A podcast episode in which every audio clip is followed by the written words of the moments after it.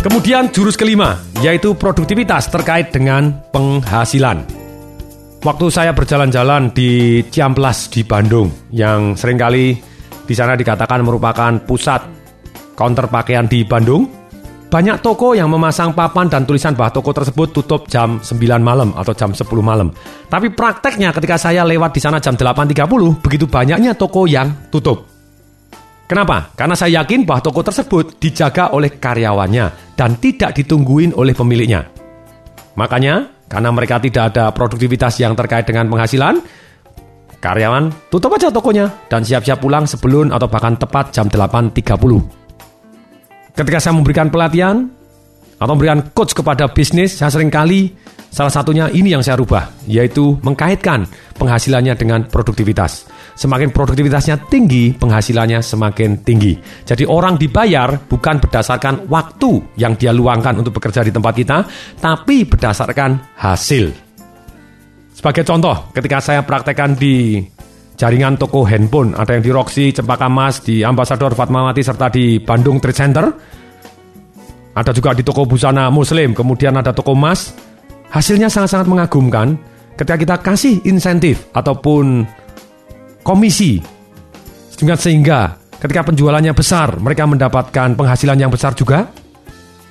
Seringkali ketika jam tokonya harus tutup, malah mereka belum tutup karena kurang sedikit mereka bisa mencapai komisi yang lebih besar, makanya mereka tidak mau tutup terlebih dahulu. Contohnya, pada waktu saya jalan-jalan di mall meninjau toko handphone tadi, biasanya jam 9, jangankan jam 9, jam 8.30 mereka sudah tutup-tutup. Sudah tidak melayani, dan kemudian tutup jauh lebih awal, tapi begitu dikasih komisi, ketika kita lewat di sana jam 9 bahkan sudah lewat 15 menit, mereka belum tutup. Ditanya, "Ayo kita tutup." Jawabannya, "Kurang dikit, Pak, kurang dikit. Tunggu sebentar, kurang dikit, jangan tutup dulu." Mendadak mereka semangat. Demikian juga yang di toko busana muslim. Ketika diberikan komisi ataupun dikasih produktivitas terkait dengan penghasilan, kalau tadinya ada orang cari busana muslim di Tanah Abang di tempat toko tadi dan kalau tidak ada Orangnya ngomong, tidak ada. Habis. Tidak mau usaha. Sekarang mendadak orangnya bisa usaha. Bisa mencatat, Pak ini yang sering dicari loh Pak. Karena mereka tahu kalau laku, mereka juga dapatkan komisi. Kemudian, bahkan mereka sering usaha. Begitu sudah diberitahu, mereka usaha. Sebentar Pak, saya carikan. Malah mereka bisa mencarikan ke toko yang lain, dan mereka bawa dan mereka mendapatkan keuntungan. Ini, begitu produktivitas dikaitkan dengan penghasilan, kesuksesan penjualan kita akan jauh lebih besar dibanding karyawan yang hanya dibayar dengan waktu. Anda bisa komisi per produk yang terjual, Anda juga bisa melakukan komisi yaitu per hari kalau melampaui penjualan sekian, semuanya akan mendapat sekian.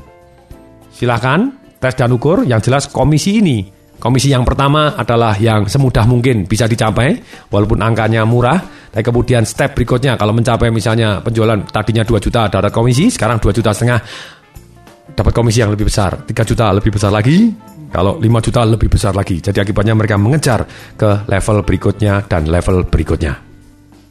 Berikutnya jurus keenam, yaitu teknik monitoring. Kita melakukan monitoring. Ini penting, ini sudah dibahas bahkan dalam satu CD khusus karena begitu pentingnya sesemua yang tidak dimonitoring cenderung tidak beraturan. Makanya lakukan monitoring dengan cara yang tepat, buat papan, kasih tanda, kasih keterangan. Saran saya Anda fokus dengarkan di CD teknik monitoring. Sekarang kita bahas ke jurus ketujuh. Jurus ketujuh yaitu teknik menentukan harga. Kunci harga di sini ada dua, satu yaitu harga harus paling murah kalau itu Anda berupa barang komoditi. Yang kedua, Anda membuat harganya jadi gelap. Maksudnya apa harga menjadi gelap? Yaitu satu, Anda membuat nilai tambah sehingga tidak bisa dibandingkan lagi sehingga harganya gelap. Misalnya orang jualan sabun, Anda bilang, oh lain, sabun kami menggunakan vitamin A. Ada unsur raginya, ada unsur apanya, akibatnya sudah gelap, tidak bisa dibandingkan head to head karena unsurnya ataupun nilai tambahnya berbeda. Ataupun hadiahnya, hadiahnya berbeda, akibatnya tidak bisa head to head lagi. Nah itu dengan membuat nilai tambah akibatnya harganya jadi gelap. Yang kedua, Anda bisa juga membuat harganya gelap ketika Anda meninjau sudut yang berbeda. Maksudnya contohnya, misalnya ada satu bank pada waktu itu BCA memberikan iklan. KPR, perumahan tertentu, bunga 10%. Besok satu hari langsung dibalas oleh bunga cut. Langsung dibalas oleh Bank Mandiri. KPR, perumahan tertentu, bunga cukup 9%. Berapa hari kemudian ada bank yang iklan KPR, perumahan tertentu, bunga 16%. Nah ini namanya Bang EO. Sudah jelas-jelas kalah, ngiklanin lagi. Jadi mengunggulkan lawannya, jadi kelebihan lawannya jauh lebih jelas lagi gitu. Nah tapi ada juga pada waktu itu ada sebuah bank, Bank Niaga memberikan iklan yang menarik. Cukup 585 ribu per bulan Anda bisa mendapatkan rumah. Dia meninjau satu sudut yang berbeda akibatnya harganya jadi gelap. Apanya yang gelap? Bunganya berapa, biaya administrasinya berapa, rumahnya di mana, plafonnya berapa, uang mukanya berapa, semuanya gelap. Namun, iklan Bank Niaga ini juga sangat-sangat sukses. Pelepasan kredit Bank Niaga juga sangat-sangat besar. Ini adalah teknik menentukan harga. Nah, kalau pertanyaannya, Pak, kalau ini barang saya tidak ada di masyarakat. Kemudian ongkos produksinya 100. Mestinya harganya yang saya jual berapa? Saran saya minimal 1000 atau 10 kali lipat. Karena Anda harus memberi untung juga kepada agen Anda, sales Anda, distributor, dan kalau ada stok yang tidak laku serta biaya marketing, jadi kalau biaya Anda 100, mestinya ya 10 kali lipat lah. Kalau tidak bisa ya 5 kali lipat.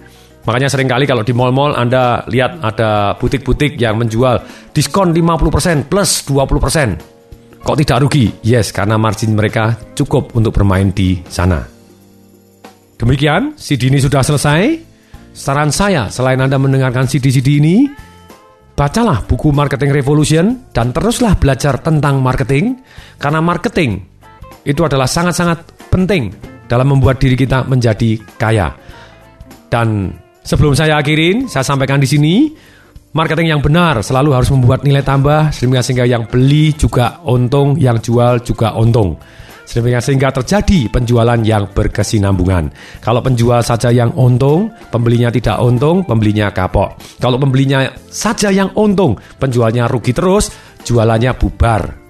Tidak bisa jualan yang berikutnya. Jadi, terus harus saling selalu menguntungkan.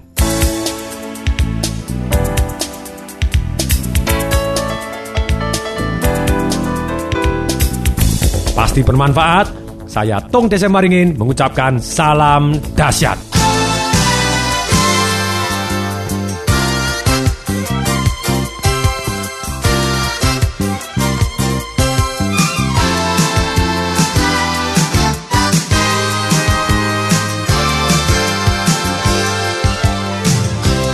Informasi seminar atau pelatihan untuk meningkatkan motivasi, sales, dan marketing perusahaan, hubungi 021 547 6677 021 547 6677 021 547 6677 atau klik di www.dasyat.com. Sampai jumpa.